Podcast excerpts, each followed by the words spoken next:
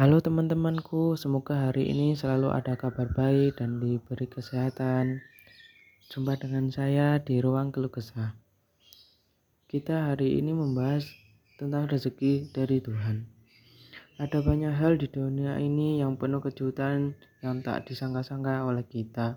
Karena Tuhan memberi hambanya dengan penuh kasih sayang. Untuk itu kita selalu bersyukur atas pemberian dari Tuhan. Ada banyak manusia yang lalai dalam bersyukur atas nikmat yang diberi Tuhan karena selalu melihat orang lain diberi rezeki lebih banyak dari kita. Kita selalu iri pada rezeki orang lain, padahal Tuhan telah mengatur rezeki untuk kita yang lebih baik dari itu. Untuk itu, jangan iri pada rezeki orang, karena rezeki kita sudah diatur sama Tuhan.